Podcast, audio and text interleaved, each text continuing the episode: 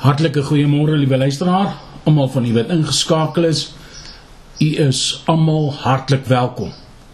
Ek wil graag vandag begin om vanoggend en vanaand se boodskap in twee dele te deel aangesien dit te veel is om in een enkele sessie te kan afhandel. Die titel is geestelike gawes en dan natuurlik die krag van swak geloof. Maar voordat ons verder gaan, kom ons bid saam. Vader, ons dankie vir hierdie dag. Dankie dat U hierdie môre vir ons moontlik gemaak het en Here dat ons weer in die welaangename tyd is om U naam te kan grootmaak, U naam te kan eer, U te kan aanbid. Want Here, daar is niemand soos U nie. Ons weet uit ondervinding, Here, kan ons almal sê dat die Here is goed en dat die Here is lofwaardig en dat sy naam moet geloof en geprys en geëer word. En ons doen dit ook in hierdie môre. Here, daarom sê ons word verheerlik, Vader, Seun en Heilige Gees. Here, ons het gekom om rondom u woord te sit en Here, ek as die bedienaar van hierdie woord wil vra Here dat U elke hart sal voorberei dat U deur U Gees elke oor sal instem om hierdie belangrike boodskap te luister. Nie omdat dit belangrik is dat ek dit bring nie maar Here dit is U woord. En Here die geloof sê U woord kom deur die gehoor en die gehoor kom deur die prediking. En Here daarom wil ek vanmôre hierdie woord predik aan almal daar buite wat hierdie boodskap sal na luister en wat hierdie boodskap heel moontlik sal aftrek na die tyd.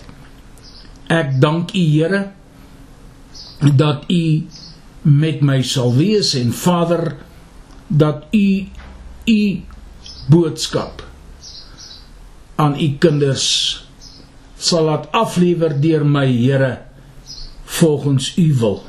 Ek dank u Here dat ek kan bid vir almal wat vanmôre in nood is en siek is en wat vanmôre sê Here wees my naby. Ek bid vir hulle. Here dat u by hulle sal stil staan. Here dankie dat ek vanmôre weet dat u ons nou sal vergas met u teenwoordigheid. Here dat u oral waar mense sal luister na hierdie woord dat u deur u gees teenwoordig sal wees. Ons dank u daarvoor Vader in die wonderlike naam van Jesus Christus en ons eer u daarvoor. Amen. Liewe luisteraars, soos ek gesê het, ek wil begin met 'n boodskap wat ek vanaand gaan verder uh, neem. En die die eerste daarvan is geestelike gawes en dan vanaand sal ek praat oor of aangaan oor die krag van swak geloof. Nou ons vind hierdie boodskap en hierdie verse is opgeskryf in die boek van Efesiërs vers 8 van hoofstuk 4 en ook vers 11 tot 16. Nou hierdie basies kan ons sê is die ministeriële kantoorgeskenke aan ons gegee deur die Heilige Gees. En kom ons lees en ek lees uit die Nuwe Lewende Vertaling dan vanmôre Daarom sê hy, toe hy opgevaar het in die hoogte, het hy gevangenes gevange geneem en gawes aan die mense gegee. En hy self het sommige gegee om apostels te wees, sommige profete, sommige evangeliste en sommige herders en leraars om die heiliges toe te rus vir die werk van die bediening tot opbouing van die liggaam van Christus totdat ons almal tot die eenheid van die geloof en die kennis van die seun van God tot 'n volmaakte mens tot die mate van die grootte van die volheid van Christus dat ons nie meer kinders sou wees wat heen en weer geslinger en rondgeslinger word deur elke wind van lering nie.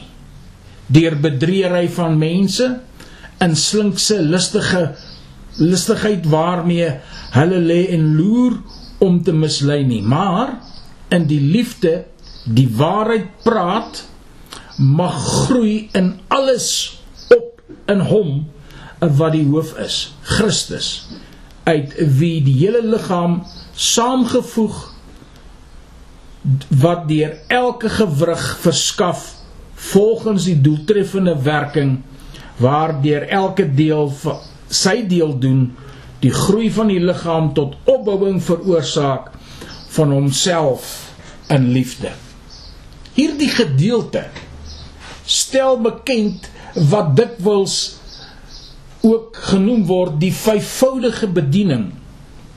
Nou hierdie vyfvoudige bediening wat gelys is, is nie bloot God se gawes aan individue binne die kerk nie, maar dit is God se gawes en wanneer ons kyk na die Grieks daarvan word dit genoem as domata aan die kerk as 'n geheel. Met ander woorde, dis nie net aan sekere individue in die kerk nie, maar aan die kerk as 'n geheel. Terwyl Romeine 12 praat van vermoëns of funksies deur beide selfstandige naamwoorde en werkwoorde te gebruik om die werking van die diensgawes te beskryf. Praat Efesiërs 4 van ampe wat selfstandige naamwoord gebruik om aan te dui. Die aanduiding is dat die gawes van Efesiërs 4 meer formele en gedefinieerde bedieninge in en vir die hele kerk is. Toe Jesus na die hemel opgevaar het, het hy gawes aan die kerk gegee, die bedienaars van die evangelie. Soos die gedeelte openbaar is die mense wat hierdie ampte beklee, erkende leiers in die kerk, verantwoordelik om ander toe te rus en sodoende die kerk te help om effektief te funksioneer tot volwassenheid te groei in leerstellige waarheid gevestig te word. Die aard van hulle werk vereis dat hulle verkondigers van die evangelie moet wees. In die moderne terminologie noem ons hulle tipies predikante met hierdie benaming in 'n spesiale sin selfs al is die term predikant in wanneer ons kyk na die King James en die nuwe King James version waaruit die Grieks basies vertaal is 'n algemene term wat 'n dienskneg of 'n werker maar basies aandui. Die woord sommige kom 4 keer in vers 11 voor en wysig apostels, profete, evangeliste afsonderlik. Maar wysig pastore en leraars as 'n eenheid. Die implikasie is dat dieselfde persoon beide die rol van pastoor en die rol van onderwyser vervul. Inderdaad, terwyl die pastor of die pastoor die werk van die evangelis moet doen volgens 2 Timoteus 4 vers 5 is sy primêre bediening van die woord onderrig. Hy moet in staat wees om te onderrig. In 1 Timoteus 3 vers 2 en 2 Timoteus 2 vers 24 sommige predikante het meer 'n gespesialiseerde roeping en 'n vermoë om te onderrig, maar alle leraars moet ook onderwysers wees. Ten eerste, 'n leraar wat wel die evangelie verkondig, moet wel ook 'n leraar wees. Want u sien, want dis deel van die onderwyser in daardie amp wat na vore tree. 'n Apostel, die Grieks apostolos, is letterlik iemand wat gestuur is met 'n kommissie. 'n Boodskapper of 'n ambassadeur of 'n kommissaris as jy dit so wil sien. Alhoewel niemand die plek van die 12 apostels van die lam kan inneem nie van Openbaring 21 vers 14 wat ooggetuies van Christus was, vervul 'n ander apostoliese amp deur 'n pioniersendeling en leiers van ander predikante te dien. Die kerk in Antiochië byvoorbeeld het Paulus en Barnabas as pioniersendelinge gestuur en hulle het as apostels bekend geword al was nie een van die twee deel van die oorspronklike 12 nie. Handelinge 13 vers 2 en 4 en Handelinge 14 vers 14 en 1 Korintiërs 9 vers 2 Net so was Jakobus die Here se broer, 'n apostel. Volgens Galasiërs 1 vers 19 Alhoewel hy nie een van die 12 was nie, was hy die leier van die kerk in Jerusalem. Ons vind dit in Handelinge 15 vers 13 en Handelinge 21 vers 18. 'n Profeet is iemand wat 'n spesiaal geroepe boodskapper is of leiding van God oordra. Handelinge 11 vers 27, Handelinge 15 vers 32, Handelinge 12 uh, 21 vers 10 terwyl baie mense in die kerk van tyd tot tyd kan profeteer word die amp van 'n profeet gevul deur iemand wat God konsekwent op hierdie manier in sy openbare bediening gebruik. Maar alle predikers behoort die woord van God te verkondig en te preek onder die salwing van die Heilige Gees. Maar die profeet is spesiaal geroep en in staat gestel om spesifieke wil en doel en raad van God aan sy mense te verkondig. Hy sal gereeld boodskappe oordra oor God se plan vir die toekoms of die kerk se behoefte om in God se plan op te tree. 'n Evangelis daarenteen is letterlik 'n verkondiger van die evangelie. Hy verkondig die goeie nuus tot voordeel van die ongereddes. Handelinge 21 vers 8, 2 Timoteus 4 vers 5. Hierdie Bybelse term is nie beperk tot die moderne gebruik van 'n rondreisende prediker wat spesiale dienste hou nie. Dit dui eerder op 'n predikant wat 'n wat besonder effektief is om siele te wen het sy individueel of in 'n openbare prediking. 'n Pastoor of pastor, letterlik herder, is een van God se mense wat lei en versorg. Die Bybel praat ook van hom as die biskop, letterlik 'n opsiener, 'n ouderling. Handelinge 14 vers 23, Handelinge 20 vers 17. Ook Handelinge 28 vers 1 ook Timoteus 1 Timoteus 3 vers 1 tot 7 Titus 1 vers 5 en 9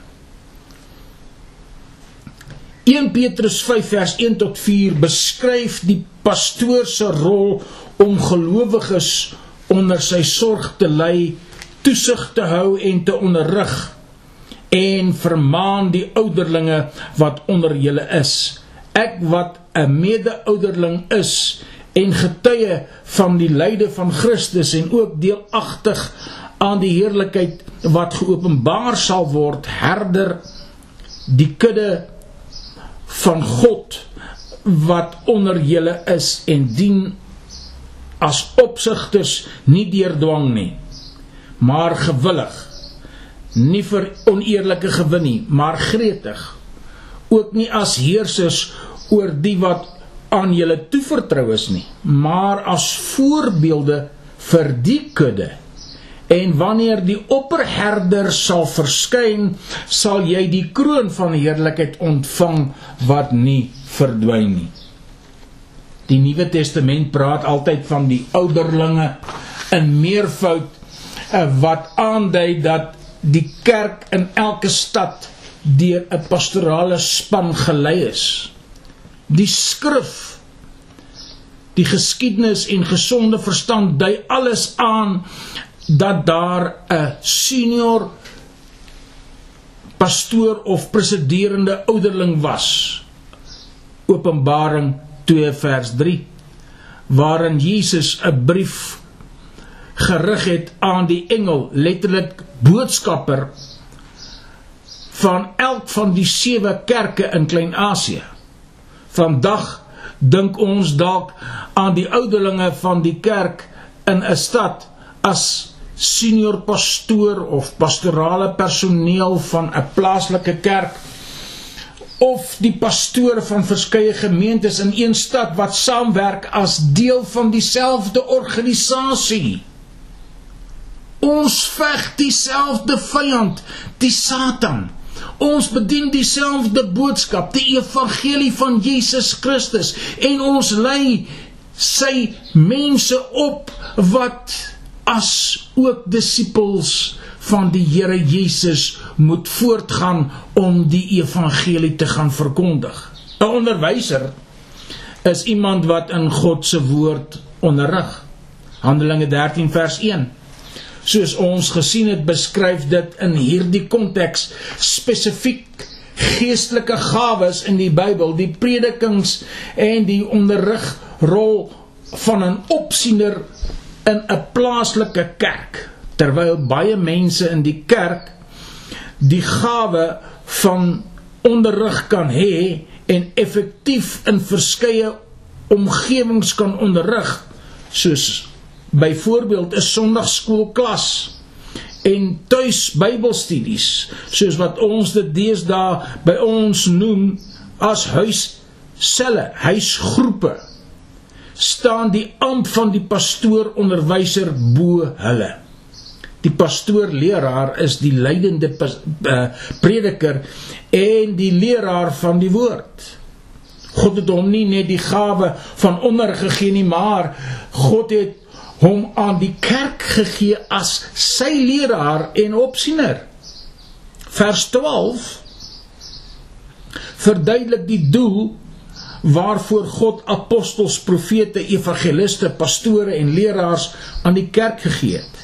Die kommas in hierdie vers in die nuwe King James uh version kan iemand daartoe lei om dit te interpreteer as om drie afsonderlike take van hierdie bedienaars te beskryf.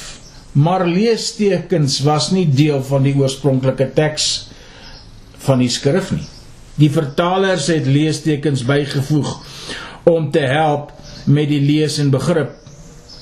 Maar in hierdie geval maak 'n studie van die Griekse teks en verskeie vertalings dit duidelik dat daar een doel is met drievoudige progressie soos volg. Nommer 1. God gee die bedieningsampte aan die kerk vir die volmaking die King James of toerusting New King James van die gelowiges. Die heiliges nommer 2 is toegerus sodat hulle die werk van die bediening kan doen. Hier beteken bediening diens of al die funksies van die kerk. Elke gelowige behoort 'n bediening te hê, nie noodwendig 'n openbare predikingsbediening nie maar 'n spesifieke plek aan die diens in die liggaam van Christus. Dit is die taak van die apostels, die profete, die evangeliste, die pastore en die leraars om elke heilige te help om sy werk van bediening te vind en hom op te lei om daardie taak behoorlik binne die liggaam uit te voer. Diegene wat die vyf bedieningsampte beklee, moet die heiliges inspireer motiveer disipel onderrig en voorberei sodat almal 'n aktiewe en 'n produktiewe lid van die liggaam is. Nommer 3 Wanneer elke lid van die liggaam sy behoorlike funksie in die liggaam verrig, sal die hele liggaam opgebou word. Die doel is om volwassenheid in Christus te bereik. Begin met die eenheid van die Gees in die band van vrede. Efesiërs 4 vers 3 moet ons nastreef na die eenheid van die geloof en die kennis van die seun van God tot 'n volmaakte mens tot die mate van die gestalte van die volheid van Christus Jesus Efesiërs 4 vers 13. En dan Efesiërs 4 vers 14 tot 16 lees die volgende. Volgens hierdie paar verse moet elke plaaslike liggaam van gelowiges verskeie spesifieke eienskappe soek in hulle groei na volwassenheid gevestig nommer 1 in die geloof sodat hulle nie deur valse leerstellings of valse leraars rondgeslinger word nie. Hulle moet praat die waarheid in liefde. Hulle leer om mekaar en ongelowiges te bedien met 'n balans van eerlikheid en deernis waardeur en openbaar waarheid liefde eweveel. En dan natuurlik ook onderdanigheid aan die heerskappy van Jesus Christus in alle dinge en afhanklik van sy goddelike voorsiening vir alle dinge. Elkeen wat leer om sy of haar deel by te dra tot die werk van die kerk sodat die liggaam kan groei en in liefde opgebou word vervul die geestelike gawes in die Bybel. Nou ter opsomming van hierdie geestelike gawes is diensgawes van Romeine 12 is voorbeeld van hoe God aan elke lidmaat van die kerk een of meer spesiale vermoëns gee om produk aktief in die liggaam te funksioneer. Die bedieningsampgawes van Efesiërs 4 is God se skenking aan die plaaslike en wêreldwye kerk met die doel om die lidmate toe te rus vir hulle opdragte. Ek wil net daar vir 'n oomblik stil staan voordat ek verder gaan. Jy weet daar is 'n siening in die kerk van vandag en onder baie lidmate wat sê die pastoor of die dominee of die predikant of die priester of die wie jy werk vir my. Jy's in my diens. Nee. Nee. Dit is 'n leuen uit die put van die helheid. Daardie pastoor, predikant, dominee, priester, ouderling werk vir die Here, maar deur vir die Here te werk dan ook vir die liggaam van Christus wat dan basies deel van die lidmate uitmaak. Daarbenewens het God die bonatuurlike geestelike gawes van 1 Korintiërs 12 aan die kerk gegee as wondertekens om te getuig van die werk van die kerk en as wonderbaarlike bemagtigings om die werk van die kerk te bevorder. Ons vestig nou ons aandag op hierdie gawes van openbaring kragtig en ons gee uiting daaraan. Byvoorbeeld en dit gaan oor na die krag van swak geloof. En ons vind dit is opgeteken en die Here Jesus sê dit baie mooi wanneer hy praat in Markus 5 vers 25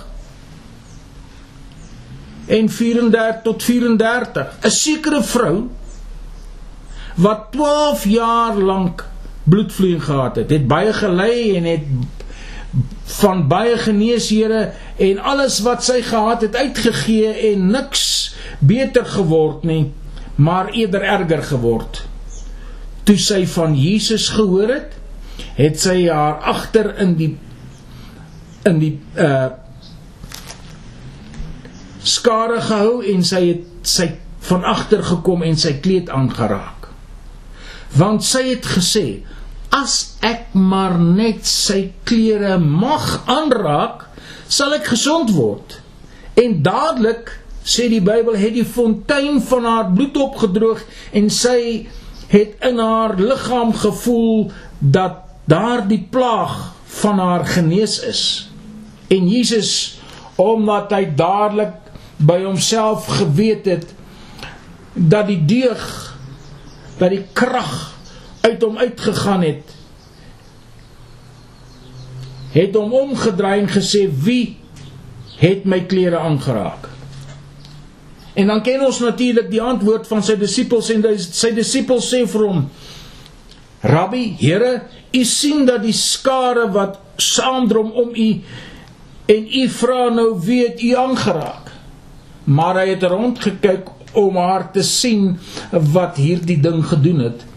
Maar die vrou wat bang was en bewend was omdat sy geweet het wat in haar gebeur het, het gekom en voor hom neergeval en hom die hele waarheid te vertel. En hy sê vir haar dogter jou geloof het jou gered. Gaan in vrede en wees gesond van jou plaag wanneer ons kyk in Hebreërs 11 vers 1 Nou is die geloof 'n vaste vertroue op die dinge wat ons hoop, 'n bewys van die dinge wat ons nie sien nie. Geloof. Daardie va ding waaroor ons as predikers spreek, geloof, daardie ontwykende woord wat oënskynlik nie gedefinieer kan word nie. Geloof. Daardie aspek van my lewe wat dikwels afwesig lyk. Ek het gehoor en gesê en gepreek dat as ek net 'n bietjie meer geloof gehad het ek vir God kon werk. Wanneer weet jy wanneer jy genoeg geloof geloof het? Is daar 'n tipe manier om geloof te kan meet of 'n maatstaf op die siel wat of leeg of vol aandui moet ek 'n half tank van geloof hê of 'n vol tank of soos ons wat mat ons nou maar praat so 'n bietjie opvul in geloof in God se werk Hoe is dit dan dat God kon werk met geloof so swak as wat myne is? Hoe is dit dan dat God met swak swak geloof kon vervul wat hy wil? Ons vind dit opgeteken in Romeine die 4de hoofstuk vers 19 tot 22 En omdat hy nie swak was in geloof nie, het hy nie geag dat hy sy eie liggaam nou dood was toe hy omtrent 100 jaar oud was en hy praat hier van Abraham en ook nie die dood van sy moederskoot van Sara nie. Hy het nie gewankel oor die belofte van God deur ongeloof, maar was sterk in die geloof en het aan God die eer gegee en te volle oortuig daarvan dat hy ook in staat was om te doen wat hy dit is God beloof het en daarom is dit hom tot geregtigheid gereken. Daar is oomblikke in my wandel met God wat ek nie eers kan vereenselwig met die skrif van geloof van Abraham nie. Ek kan my nie voorstel om na die top van die berg te stap en die profete van Baal uit te daag vir God om met vuur te antwoord nie. Ek kan my nie voorstel om na die Rooi See te loop en my staf uit te strek en God skielik die water sien skei vir 'n veilige deurgang nie. Ek pas nie in by Abraham of by Elia of by Moses se tipes nie. 'n Paar jaar gelede trouens vir 2 jaar terwyl ek so jonk in die bediening was het ek na 'n ligskou genaamd Wings oor Pretoria gaan kyk. Dit was verstommend om die krag van die jets op te let terwyl hulle in stywe formasies in die lug vlieg. Sulke akkuraatheid, sulke versigtigheid word daar uitgestal, sulke krag en vorm word daar opgemerk. Terwyl jy die Mirages en die Impalas sien vlieg, En natuurlik hulle is omtrent 50 voet van die aanloopbaan af en dan gebrul van krag en hulle het onderste bo gevlieg na regs en sywaarts gevlieg en maar daar dieselfde ligskou was daar vliegtye wat basies net kop dusters was met vlieëniers wat nie naastenby so bekwam is om hierdie jets te kon vlieg nie. Hulle was glad nie mense wat op 'n daaglikse basis hierdie toertjies kon doen nie. As jy een van daardie mirages is met genoeg geloof om daardie akrobatiese toer te doen deur die lug en die hemelvaart te stuur, sal leer ek jou. As jy nou maar een van die ander ouens soos soos ek is wat nou nie al daardie geloof het nie, verstaan ek. Dalk pas jou geloof in die karakter vir die gewasse stof. Miskien is jy baie soos ek. Jy is nie te spoggerig nie. Jy vlieg maar laag. Dit lyk of jy dieselfde grond baie dek. En sommige oggende is dit maar moeilik om die ou engine aan die gang te kry. Op een of ander manier het ek net 'n vermoë vermoede dat ek nie die enigste een is wat sukkel met hul geloof en vertroue in die Here nie. Wanneer dit swaar gaan met my finansies en ek bly bid en dit lyk vir my of die vliegtuig nie van die grond afkom nie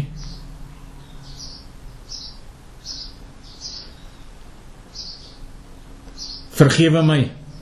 Maar ek sal nie vir die mirages vandag kan preek nie. Maar ek sal vir die klomp preek wat maar hier onder langs vlieg. Ek preek oor die krag van swak geloof. Jy sien in die opstelling van die teks sal ek kan sê 'n sekere vrou. Die Bybel verklaar aan ons dat daar 'n sekere vrou was. Wie sy was is nie meer van belang nie. Dit is nie wat meer saak maak nie. Dit is nie haar naam wat vir jou enigiets kan vertel nie. Wie sy was nie.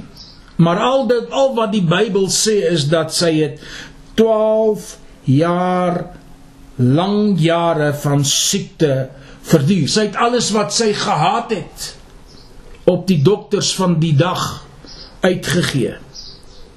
Nou dalk wil jy vir my vra, hoe lank is 12 jaar? Nou ja, 12 jaar, ek het dit so 'n bietjie gaan uitwerk. Dit is 4383 dae. Of as jy dit in maande wou omsit, 144 maande. Of as jy dit in weke wil omsit, 624 weke. Of as jy dit dalk in uur wil omsit, 105192 uur. Dit is 'n lang genoeg om van 'n hoërskool af te gradueer. dit is lank genoeg om 'n dokter te word en te gaan spesialiseer. Dit is lank genoeg om al jou hulpbronne oor dokters en gesondheidsorg uit te put. Dit is lank genoeg om fisies uitgeput en sosiaal verstoot te word. Ja, Dit is lank genoeg om die asem van die krediteure te voel wat kom om dinge weg te vat wat eens was en nou 'n gebrek aan geld is. Dit is lank genoeg om alle hoop weg te geworstel het. Dit is ook lank genoeg dat daar net 'n tipe swak geloof oorbly. Beskou saam met my vanmôre saam met hierdie vrou. Sy's jonk, lewendig, gesond. Sy het 'n aantal vriende, goeie vriende, vriende wat haar geselskap geniet. Sy het haar oog op een van die jong mans in die sinagoge gehad. Sy is vol lewe en en vol lag en sy vermoed die jong man is ge, is ge, is geïnteresseerd net soveel in haar as wat sy in hom belang gestel het.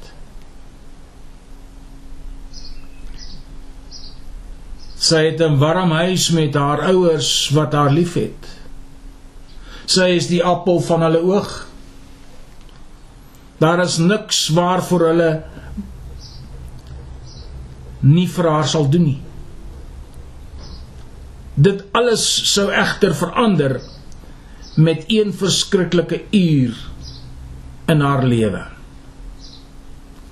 Sy bevind haar skielik in die kloue van 'n liggaam wat deur 'n siekte geskend word. Die kwessie van bloed wat weier om op te hou.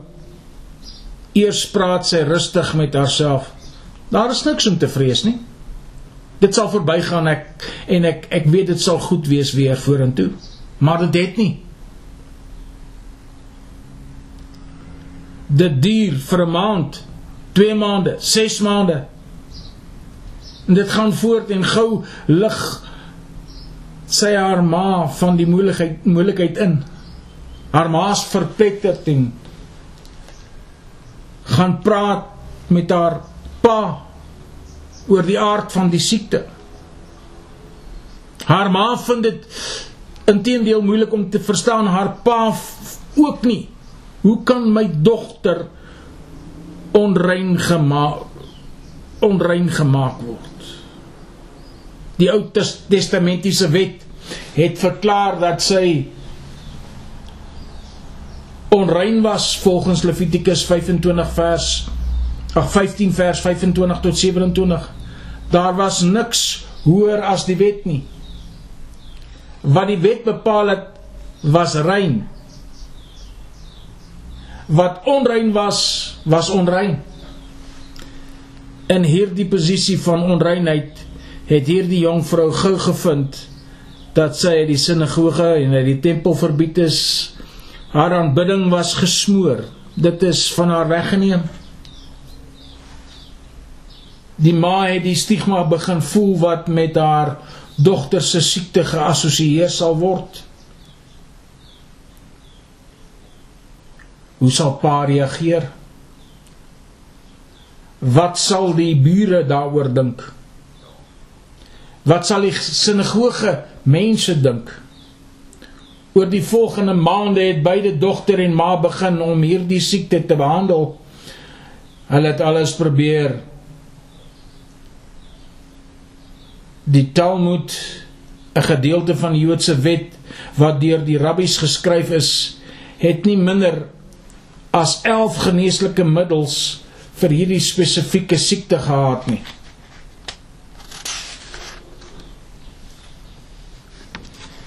Die Talmud het gesê neem die gom van Alexandrië, die gewig van 'n klein silwer muntstuk van alleen dieselfde van krokus dieselfde laat hulle saam verbrysel word in wyn gegee word aan die vrou wat bloedvloeiing het as dit nie baat nie neem van die persiese eie 3 punte ook dit in wyn gegee om haar te laat drink en sê staan op uit jou vloed. As dit haar nie genees nie, sit haar op 'n plek van twee maniere waar waar twee maniere mekaar ontmoet en laat sy 'n beker wyn in haar regterhand hou en laat iemand agtertoe agtertoe kom om haar bang te maak en sê staan op uit jou vloed. Op 'n ander plek in die taal moet gesê dra die as van 'n volstruis eier in linne toe.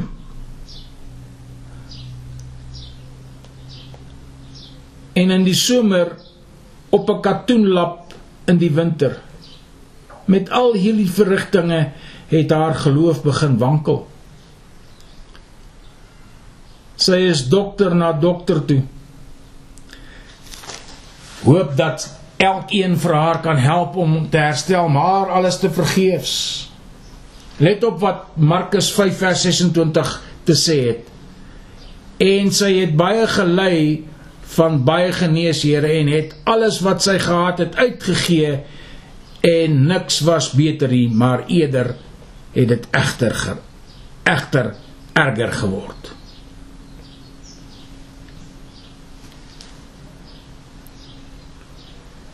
Oor die tydperk het sy gevind dat met bloedverlies het sy swak en het sy bloedarmoede of armoedig geword. Sy het begin gewig verloor. Haar oogkaste het uitgehol, haar vel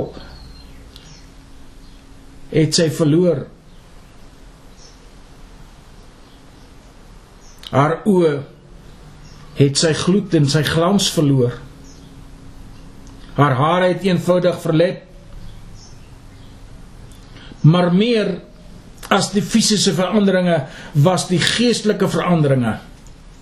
Sy het van helder, lewendig, uitgaande en na 'n teruggetrokke, verlate en hopelose persoon vol wanhoop gedraai. Ek is nie dood nie, maar ek wens dat ek liewers dood was.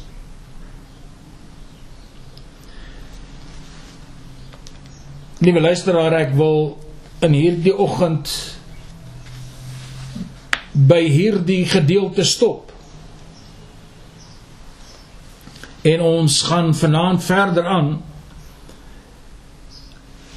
met hierdie gedeelte van Markus 5 vers 26. Kom ons bid dan eers saam. Vader, ons dankie dat ons in hierdie môre hierdie boodskap kon bring die gedeelte van hierdie boodskap en Vader ek bid dat U ons almal weer vanaand bymekaar sal bring dat almal weer sal inskakel om die res van hierdie boodskap van die krag van self van swak geloof sal na luister. Ek dank U daarvoor Vader dat U ons bymekaar sal hou en ek dank U dat U my sal krag gee om hierdie boodskap verder te kan bring. Dit is my gebed. Vader, sien ons dan nou in Jesus naam. Amen. Liewe luisteraar, soos altyd gee ek vir u my WhatsApp besonderhede +27 76 840 1328 en my e-posadres is dr.af.weyers w e lang y r s 55@gmail.com Die Here seën u en gaan met u totdat ons vanaand weer ontmoet. Amen.